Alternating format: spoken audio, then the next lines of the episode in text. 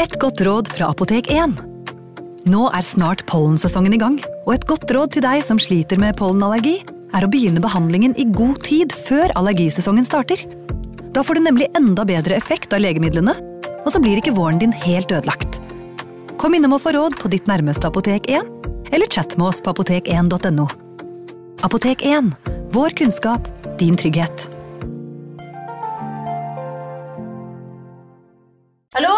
Jeg kommer fra Oslo politikammer.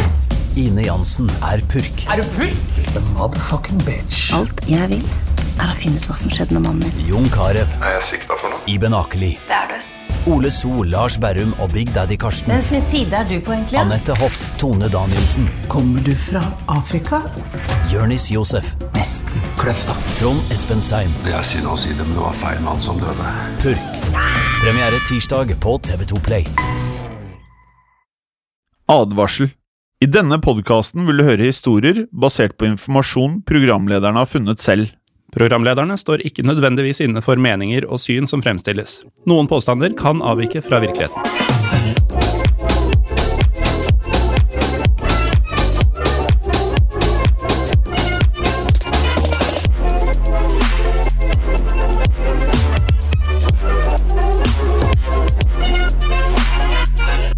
Hei, Morten. Hei. Hvordan står det til? Jo, det står til så bra som det kan gjøre. Herman sitter atter en gang eh, hjemme, i stedet for å være rett over bordet for deg. Men eh, jeg har forstått sånn at du i det minste omgås eh, andre mennesker i dag? Ja, jeg har vært en tur på jobb og treffer både et par kolleger og et par elever. Med Ja. så god avstand som man kan, da. Men likevel, det var en skikkelig vitamininnsprøytning. Hva, jeg, Hvordan går det med deg for tida? Nei, jeg har ikke fått uh, vitaminene du har fått i dag. Jeg sitter fortsatt hjemme alene og trøkker. Uh, Ja. Ganske lei. Men da er det jo greit, når vi først sitter hjemme hver for oss, da, at vi nå atter en gang i hvert fall skal sitte og spille inn litt historie for eh, lytterne.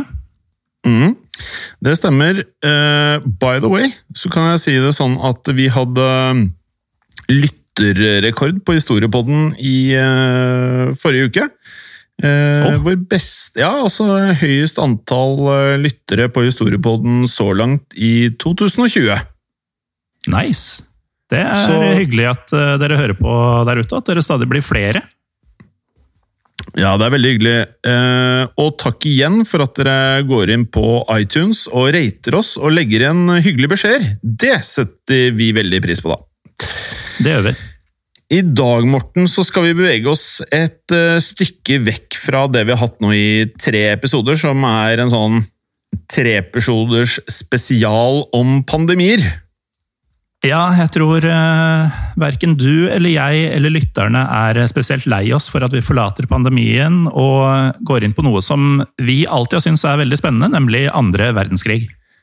Ja, og det tror vi også gjelder for alle lytterne våre, for det er vel eh, få perioder av historien vi får mer tilbakemelding på enn eh, akkurat når det kommer til annen verdenskrig, og det virker som også at eh, det at vi beveger oss til, til Norge, altså det er jo nå i 2020 en litt sånn spesiell periode da for, for Norge i den sammenheng. Ja, for eh, 9. april, som eh, når vi sitter her nå var for eh, halvannen uke siden, da var det 80 år siden tyskerne invaderte Norge. De kom hit den 9. april 1940, og det vil jo for alltid være en dato som endra alt for oss her i Norge. Mm. Så når vi da skulle velge, skulle vi starte med eh, episoder rundt eh, invasjonen av Norge, eller skulle vi ta pandemier, så ble det pandemier i og med at vi er midt i koronakrisen. Så én uke på etterskudd eh, sånn pluss-minus, det føler vi er ok. Eh, Ja, men det er lurt, jo- for da, ja. da er ikke folk teppebomba på den måten med 9. april-greier, når denne episoden kommer ut. Det er jeg for så vidt ganske enig i, men man er jo ikke mindre teppebombet eh, med koronanyheter om dagen. Nei, det er for så vidt sant. Så det, der gikk spinninga opp i vinninga, eller hva man sier. uh, ja, altså La oss ta bare kort litt om bakgrunnen. Uh, vi vet jo at krigen brøt ut i Europa september 1939 ved at Tyskland rett og slett bare invaderte nabolandet Polen. Ja, og da erklærte Norge seg opprinnelig nøytralt, eh, uten at det betydde at vi sto utenfor krigen, for Norge var likevel veldig interessant for flere parter. Og det er jo en sannhet med visse modifikasjoner, i den forstand at eh, det var jo helst nabolandene til Norge som var kanskje det aller mest interessante i annen verdenskrig. Ja, Du har rett i det, for eh, tre måneder etter at Tyskland invaderte Polen, så brøt jo vinterkrigen ut mellom Sovjetunionen og Finland. Eh, en krig som vi dekka i aller første episode av eh, Historiepodden for et års tid siden. En av favorittepisodene mine, men også da vi var blautest bak øra, vel? Ja. Eh, Vestmaktene, altså på dette tidspunktet av krigen, som ble i hovedsakelig mm, utgjort av Frankrike og Storbritannia, ville at Sovjetunionen skulle tape vinterkrigen. Eh, det betød at de derfor ønsket å hjelpe finnene med tropper, altså forsterkninger. Og For å gjøre dette så eh, var jo ikke de alene om å forstå viktigheten av byen Narvik i Nordland i Norge. Eh, og Narvik kan vi jo allerede nå røpe at eh, vi kommer til å prate om, eh, og også basere fremtidige episoder i historiebåten rundt. Og da er det jo heldig at Narvik er en by vi klarer å uttale. Narvik! Det er mange måter man kan si det på, tror du ikke det? Tror du ikke det er noen som sier Narvik? Ja, jeg tror ikke vi skal begynne nå, altså. Nei, nei. Eh, bare sånn for å si det, så har jeg nå fått to nye måter å uttale eh, eh, Eh, er det Koffjord? Korfjord? Eh, Koffjord og Søllikjelma. Ja, på Instagram så var det en ny en her som sa Han var veldig på R-en. Korfjord! Eh, jeg vet ikke om det Men det er jo ikke noe R der! Nei. Det heter jo Kåfjord. Ja, det hørtes ut som han sa Korfjord! Men uh, det kan godt være jeg hørte jeg, jeg, Det hørtes ut som det var en R, men han mente det var to eller nå kanskje tre steder i Norge som het Kor Korfjord. Så um, det vi prata om, var da det som var kanskje skarpest i uttalelsen. Men uansett. Eh, Narvik var utrolig viktig under andre verdenskrig, og det var mange årsaker til dette. Eh, vi skal eh, prate mer om inngående i fremtidige episoder, eh, men i denne sammenheng så var Narvik viktig av den grunn at det var en stor og høyst funksjonell skipshavn. Altså med andre ord et ideelt sted for eh, de allierte som vi pratet om, å sette tropper i land. Ja, og da snakker man om tropper som da kunne bli sendt videre gjennom Sverige og inn i Finland, sånn at de kunne kjempe mot russerne på finnenes eh, side. Men vinterkrigen den varte jo ikke så lenge, så vestmaktene de, de slo den tanken litt fra seg. De rakk rett og slett ikke å, å planlegge å mobilisere det. Ehm, den aller viktigste grunnen til at eh, deres og Tysklands oppmerksomhet var retta mot Norge, var eh, derfor på grunn av Sverige. Og Sverige har, som eh, vi vet, også eh, det påsatte de erklærte seg eh, nøytrale under andre verdenskrig. Sverige, i motsetning til Norge, hadde stor industri, og stor industri eh, med jernmalm. Som for sikkert veldig mange sikkert ikke betyr annet enn en bergart eh, som er rik på jernmineraler. Men det er så da slik at denne bergarten og disse mineralene er helt avgjørende i krigssammenheng. I alle fall så var det det i aller høyeste grad for det tyske krigsmaskineriet, som hadde vist seg å være eh, overlegne enhver motstand. Mye pga. strategier, men først og fremst pga. deres avanserte våpen og deres eh, høyst funksjonelle krigsmaskineri, eh, som var bestående av panservogner. Og For å opprettholde denne fordelen så gjorde tyskerne det de kunne for å få tilgang på jernmalm, og det var helt avgjørende for å kunne opprettholde da tempo i denne blitskrigen. Da. Dermed identifiserte nazistene tilgang på mineraler, selvfølgelig, eh, som eh, det aller viktigste i starten av krigen, og gjerne da alle andre innsatsmidler også som kunne bidra til våpenproduksjon. Og når man også visste at eh, Narvik eh, var den havna der all jernmalmen ble fraktet ut av, så er det jo lett å forstå akkurat eh, hvor viktig det var for tyskerne å kontrollere Narvik, og hvor viktig det var for de allierte at tyskerne ikke skulle kontrollere Narvik. Helt riktig. Og da kommer vi til eh, et lite navn da, som skal uttales her. Nå skal du få kjørt deg. Ja, denne her kan bli tøff. LKAB står for Lossavara Kirunavara Aksjebolag. Hva tenker du? Det funka, det? Ja, Eh, er- jeg ville sagt LKAB, altså. Men eh, Ja. jeg syns det kom i mål. Ja, et, Dette er et svensk eh, gruvedriftsselskap som bryter jernmalm i Kiruna og Malmberget. Eh, selskapet er da altså heleid av den svenske stat, eh, hvorav mesteparten av jernmalmen da blir transportert til Narvik i Norge. Og derfra og ut til verden så ble det da skippa til alle land som da handlet denne jernmalmen. Så for å stoppe da denne eksporten av eh, jernmalm, så eh, valgte da de allierte å minelegge eh, norske farvann altså 8. april, dagen før eh, dagen vi prater om nå.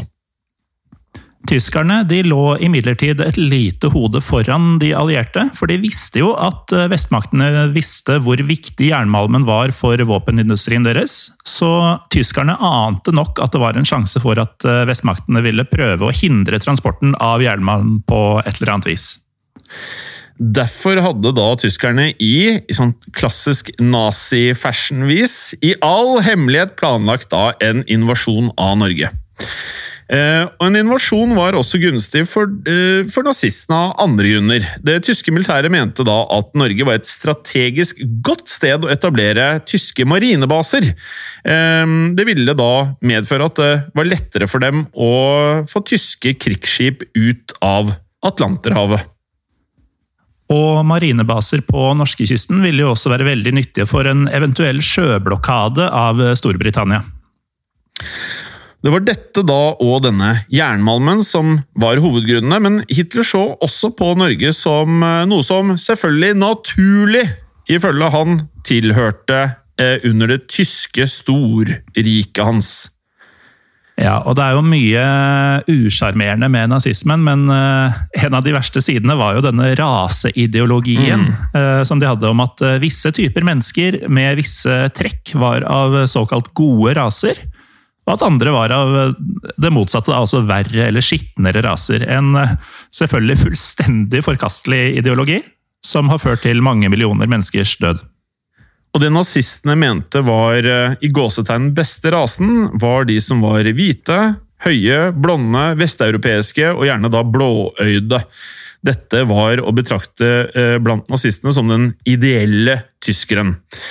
Og dette eh, var da noe de refererte til som den ariske rasen, og folkeslaget nordmenn ble av nazistene generelt ansett til å tilhøre denne ariske rasen. Derfor var det også attraktivt for tyskerne at Norge innfalt under dette storriket, altså nazistenes rike.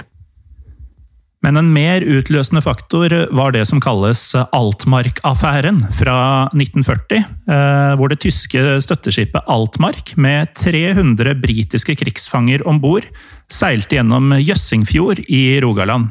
Den eh, 16. februar ble Altmark angrepet og boret av britiske soldater som befridde disse fangene. Og under dette gjorde Norge lite, selv om vi var nøytrale og da hadde rett til å verne nøytraliteten her til lands. Dette var tross alt krigshandlinger i norske farvann.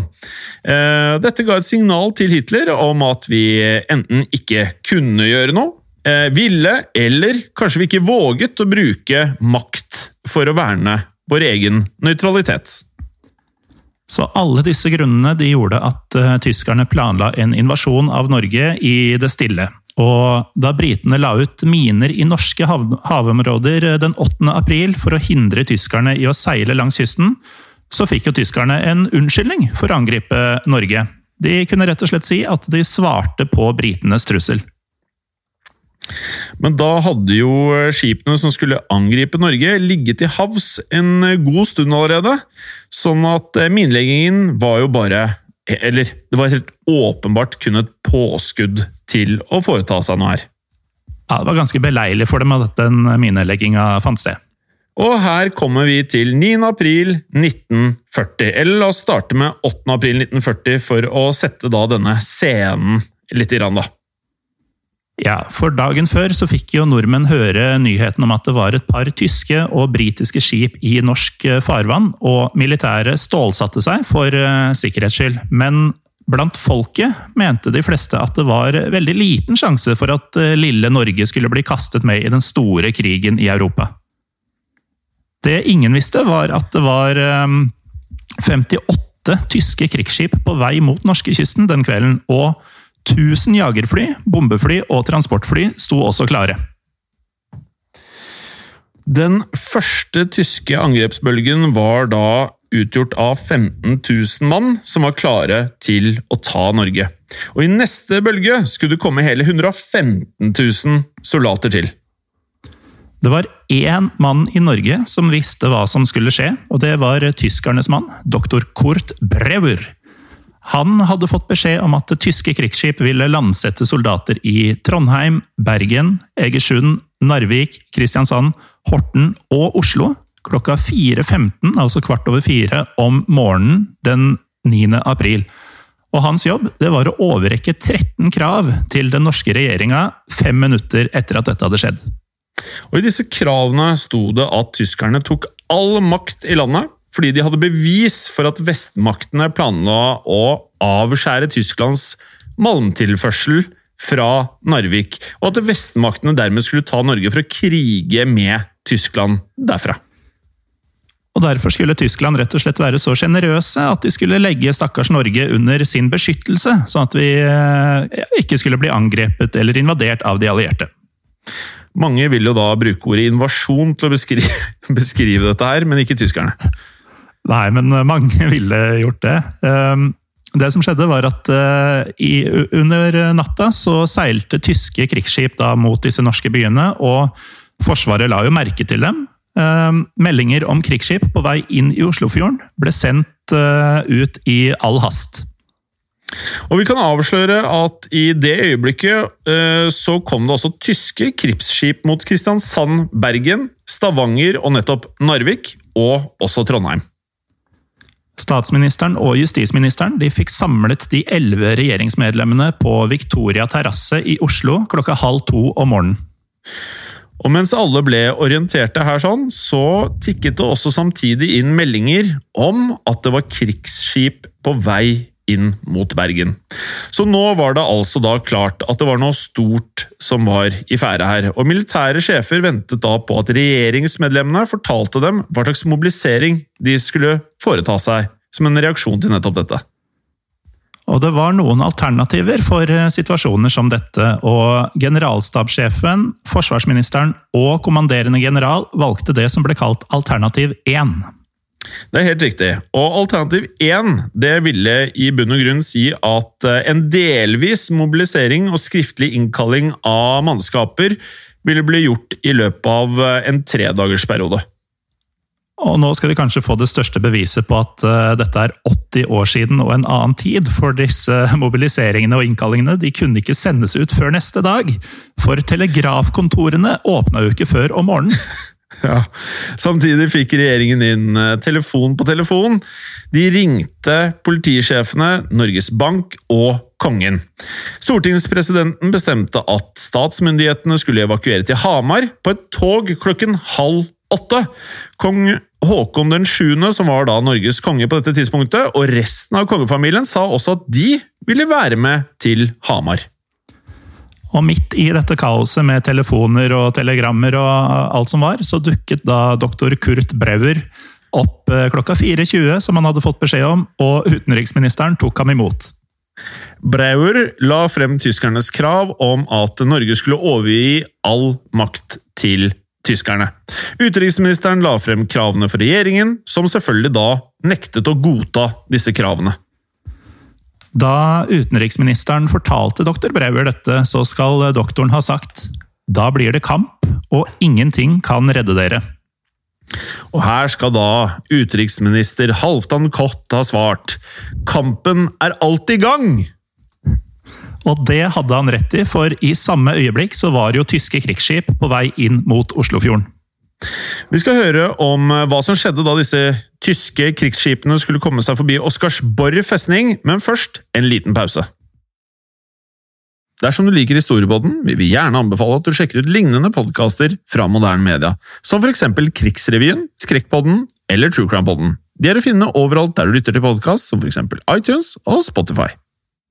Vi er tilbake, og vi husker at uh, tyske krigsskip var på vei inn i Oslofjorden tidlig den 9. april 1940. Ja, og For å komme seg inn til Oslo måtte disse krigsskipene gjennom det trange Drøbaksundet. Uh, og på det smaleste punktet der ligger Oscarsborg festning. Uh, det var bemannet og under kommando av oberst Birger Eriksen, og han hadde fått melding om at fremmede krigsskip var på vei i retning av Oslofjorden.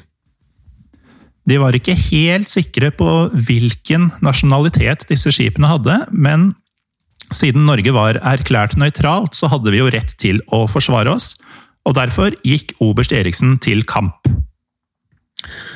Første rekka av disse tyske krigsskipene var det, som for de aller, aller fleste eh, historieinteresserte, er selvfølgelig skipet Blücher. Det var utstyrt med 2400 soldater, administrasjon, samband, og hadde også ledelsen for operasjonen om bord i skipet. Kanonene på Oscarsborg festning uh, fyrte av to skudd med 350 kilo tunge granater mot Blücher da skipet var omtrent 1800 meter unna, og begge disse skuddene traff. Ett havna i luftvernbatteriet, og det andre traff en flyhangar. Og inni det sto eh, fly med bensin på tanken. Og flybensin er jo, som vi vet, eh, svært brennbart, og flyene tok da fyr. Ja, det er brennbart.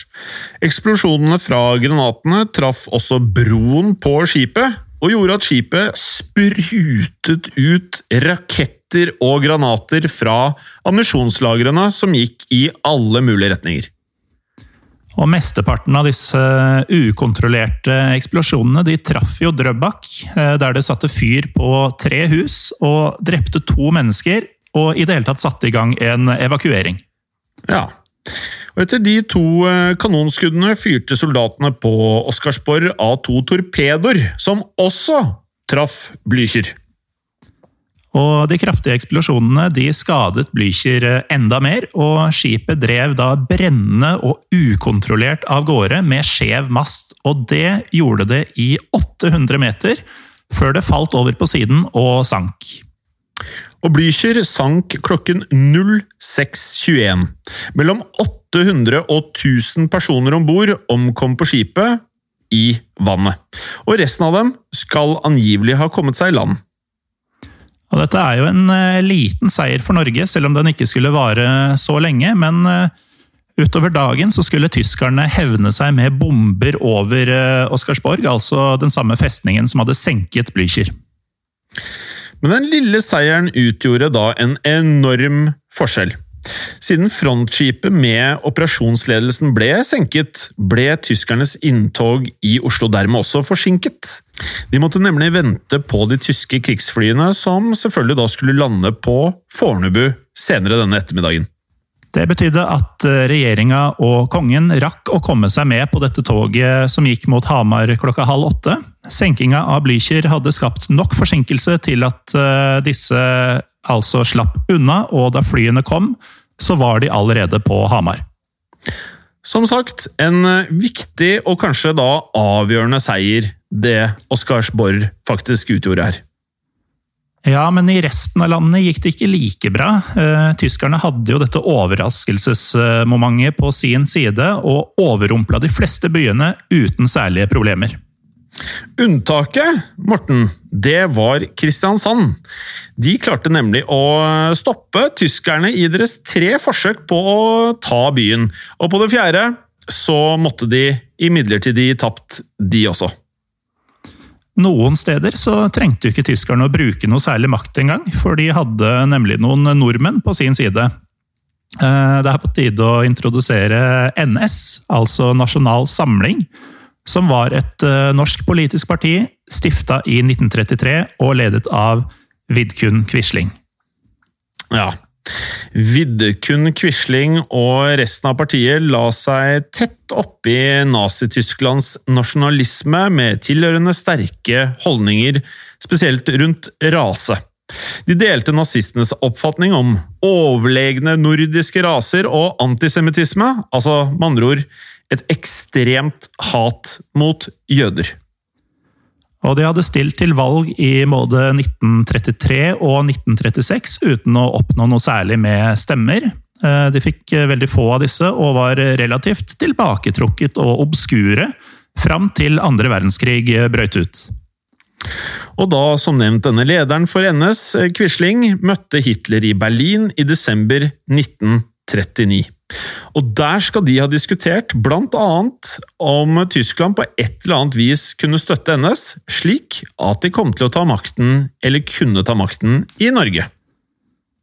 Men eh, Hitler ble nok ikke spesielt imponert over denne fyren, for han eh, innviet aldri Quisling i invasjonsplanene, og Quisling visste da ikke noe om når et eventuelt angrep på Norge skulle komme. Men han og mange andre i NS viste ingen motstand da tyskerne kom 9. april.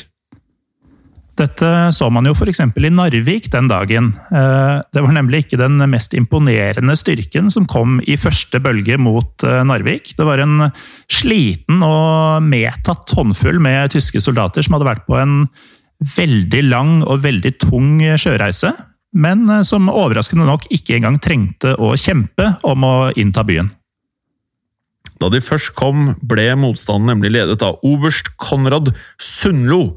Oberst Sundlo var medlem av NS, så da han så disse slitne tyske soldatene, så bare overga han byen straks. Helt uten motstand. Selv om nordmennene kunne ha kjempet dette, på dette tidspunktet. Mange av soldatene hans var ikke enig i avgjørelsen og marsjerte ut av byen i protest. Det er jo ganske lett å forstå da, når du ser en ganske sånn stakkarslig gjeng med fiender, og du fint kunne kjempa mot dem, men så får du da beskjed fra øverstkommanderende om at uh, vi gir fra oss byen uten kamp. Tilbake i Oslo så tok jo tyskerne seg også godt til rette, men noen viktige personer eh, manglet jo. Tyskerne skjønte fort at eh, kongen, stortingsrepresentantene og regjeringa hadde flykta fra hovedstaden. Dermed så dro 100 tyske soldater til Hamar i eh, biler. Det er så nazistisk å gjøre. Ja, 100 soldater i bil. Ja, i privatbiler. Du kan jo se for deg hvordan de var. Sånne der, eh, Mercedeser i bare sort, sånn klassisk Indiana Jones-forstand. Eh, mm. Og de jaktet selvfølgelig da på Norges øverste autoriteter. Ryktene om akkurat dette spredte seg selvfølgelig da helt til Hamar, og stortingsmøtet ble derfor avbrutt. Og da fikk jo folk fart på seg, og flyttet seg heller da til Elverum samme kveld. Og der lagde stortingsrepresentantene det som het Elverumsfullmakta. Eh, Stortinget visste jo at de ikke ville kunne samle seg under okkupasjonen. Fullmakten var et eh, vedtak å eh, betrakte fra Stortinget om at regjeringen kunne ta avgjørelser på deres vegne. Og Vanligvis er det jo Stortinget som skal ta selve avgjørelsen, men nå ga de da altså regjeringen hele denne fullmakten, da. Og denne fullmakta vedtok at eh, regjeringa kunne ta nødvendige avgjørelser på Stortingets vegne, helt fram til Stortinget en dag kunne samles igjen.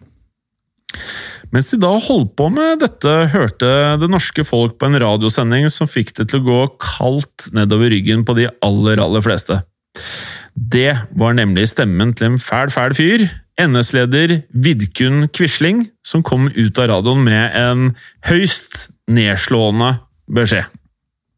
Ja, for Quisling hadde sammen med den tyske offiseren Hans Wilhelm Scheidt brukt eh, mye av dagen 9. april på å ringe diverse norske militære staber for å få dem til å overgi seg. Ehm, Quisling forsøkte også å få dem til å arrestere den norske regjeringa, men ingen ville gjøre som han sa. Og det er deilig å høre, da. Men Vidkun hadde også en annen plan.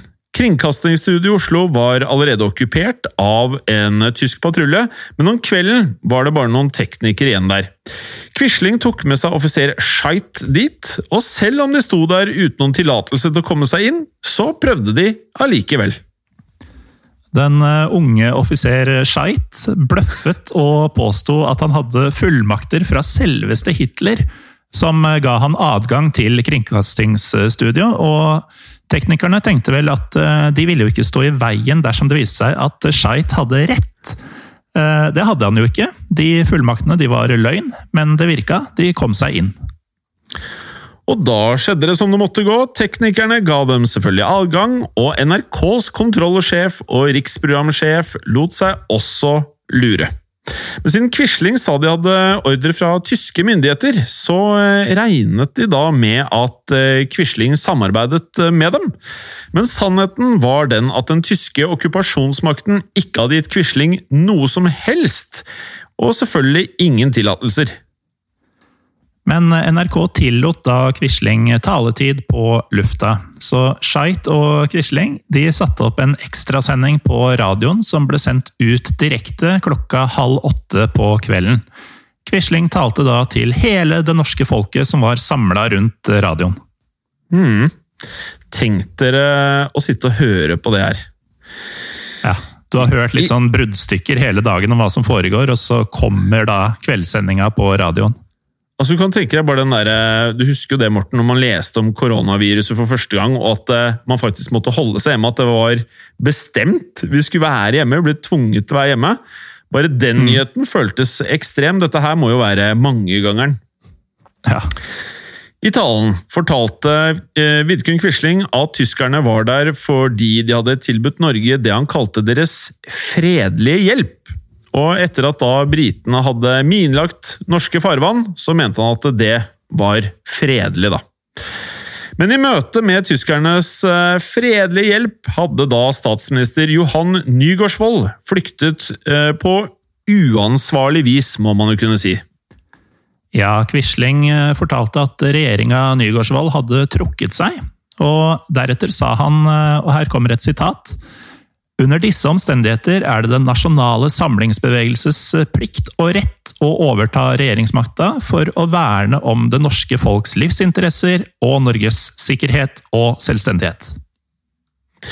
Han fortalte også at eh, Nasjonal Samling fra det øyeblikket dannet en ny regjering med Quisling som regjeringssjef, og også utenriksminister. Talen han holdt over radioen om kvelden den 9. april, var altså et eh, slags enmannsstatskupp å beskrive, da. Til slutt leste han også opp navnene på statsrådene i hans nye regjering. Historikere har eh, påpekt at eh, denne regjeringsproklamasjonen og sammensetninga til Quisling ble skrevet ned for hånd på brevpapir en gang mellom klokka tolv og to tidligere på samme dag, altså den 9. april. Så Derfor så virker det jo som om Quislings statskupp var en ganske spontan greie. Føles sånn, men han hadde nok klart for seg akkurat hvem han ville ha i eh, regjeringen sin. Men eh, som du sier, Morten, statskuppet virket, eh, med tanke på alt det du nevner, relativt spontant. Men spontant eller ikke, så var det uansett et statskupp. Og denne sendinga ble gjentatt klokka 22, og den ble det gjort et opptak av. Så vi kan faktisk høre på den proklamasjonen hans den dag i dag. NRK har posta dette opptaket. Om dere er interessert i å høre det, så kommer det opp om du googler det. Og Vi skulle gjerne lagt det til her, men eh, det er ikke helt gratis å bruke disse tingene som NRK har der. Så det vi må rett og slett gjøre, vi kan legge linken i episodebeskrivelsen. Vi kan legge det på Instagram og Facebook, og også Facebook-gruppen vår eh, Historie for alle. Så kan dere yes. høre det der. Skulle gjerne hatt det her, selvfølgelig. Mm. Og dette var jo selvfølgelig noe folk ikke ble videre fornøyd av å høre. Eh, ikke bare kom tyskerne med soldater og våpen, men nå sto en forræder og kalte seg ny regjeringsleder over radioen. Så mens folk ble både redde og sinte rundt omkring i landet, så gjorde våre stortingsrepresentanter og vår faktiske regjering seg ferdige med Elverums fullmakta. Ja. Den tidligere nevnte doktor Kurt Braur eh, Sendebudet for tyskerne dukket også opp dagen etter i Elverum. Han hadde med seg et krav til kong Haakon 7. Tyskerne satte formelt frem kravet om at en ny tyskvennlig regjering skulle opprettes med Vidkun Quisling som statsminister. Kongen gikk deretter i samråd med den norske regjeringa, og litt senere kom svaret, som de aller fleste vet. Kongen nekta. Og hans eh, nei i denne situasjonen er den første av eh, to hendelser i 1940 som samlet omtales som eh, kongens nei, og det er jo to ord som høres ganske kjent ut, antagelig. For Kongens nei er jo en film som handlet om akkurat dette, som kom ut for et par år siden. Åh, det er to flotte ord. Den andre episoden i det som kalles Kongens nei, kom senere, nemlig i juli. Da han ble bedt om å abdisere. Eh, vi skal ikke ta hele dette forløpet akkurat i denne episoden, for vi må passe oss for å ikke gå noe særlig utover 9. april. Det er det denne episoden skal utover. Og så skal vi da ha eh, flere episoder om invasjonen av Norge. Men vi kom jo akkurat inn på 10. april her, da, eh, fordi det var eh, relevant. Men vi skal ikke gå noe videre, da. Nei, da hadde vi nok sittet resten av uka dersom vi skulle følge alle trådene som begynner med det som skjer eh, den 9. Eh, april. Altså, det er jo som du sier, det er så mye historie fra Norge under andre verdenskrig at eh, det er nok til flere episoder. Ja, for Vi ble jo litt inspirert av den fantastiske tilbakemeldingen vi fikk på del 1, 2, 3 av disse pandemispesialene våre. At Vi tenker jo at vi nå skal kjøre en tredels nå på innovasjonen og ja, innovasjonen av Norge her. Mm. Men tilbake til Elverum for denne gang. Doktor Brever han fikk altså et nei fra kongen til ny regjering og statsminister. Så fort regjeringen var ferdig med Elverumsfullmakten, satte alle av sted igjen. For tyskerne var fortsatt hakk i hæl. Regjeringen og kongen flyktet da videre til Nybergsund i Trysil, som er ca. en halvtimes kjøring fra svenskegrensa. Deres tyske forfølgere fortsatte selvfølgelig jakten, men da de fulgte dem til Midtskogen, ble de stoppet. Ja, for på Midtskogen så hadde en oberst ved navn Ruge leda en improvisert forsvarsstilling. Han og, og mennene hans de ja, deilige menn, skøyt mot de tyske forfølgerne til alle var drept eller hadde snudd. Så tyskernes jakt på den norske kongen og regjeringa ble stanset eh, for øyeblikket den kvelden 10. april. Jeg vil bare nevne navnet hans igjen. En oberst ved navn Ruge. Det er veldig viktig å hedre disse menneskene her, fordi jeg føler vel kanskje at det er yngre generasjoner kanskje ikke har lest så mye om dette. Det blir jo for hvert eneste år mer perifert, dette her. Men dette er helter. Ja. Og så er det jo mye snakk om gutta på skauen, men vi må ikke glemme disse gutta på Midtskogen.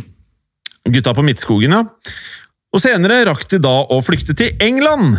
Tyskerne fikk da aldri tak i dem, og kongen og regjeringen skulle i løpet av krigen motivere det norske folk til motstand via radio under okkupasjonstiden. Og det er jo igjen en egen historie som vi eh, muligens kan fortelle om i en senere episode. Men eh, nå har vi jo da tatt for oss 9. april, fordi vi hadde denne 80-årsmarkeringen eh, for kort tid tilbake.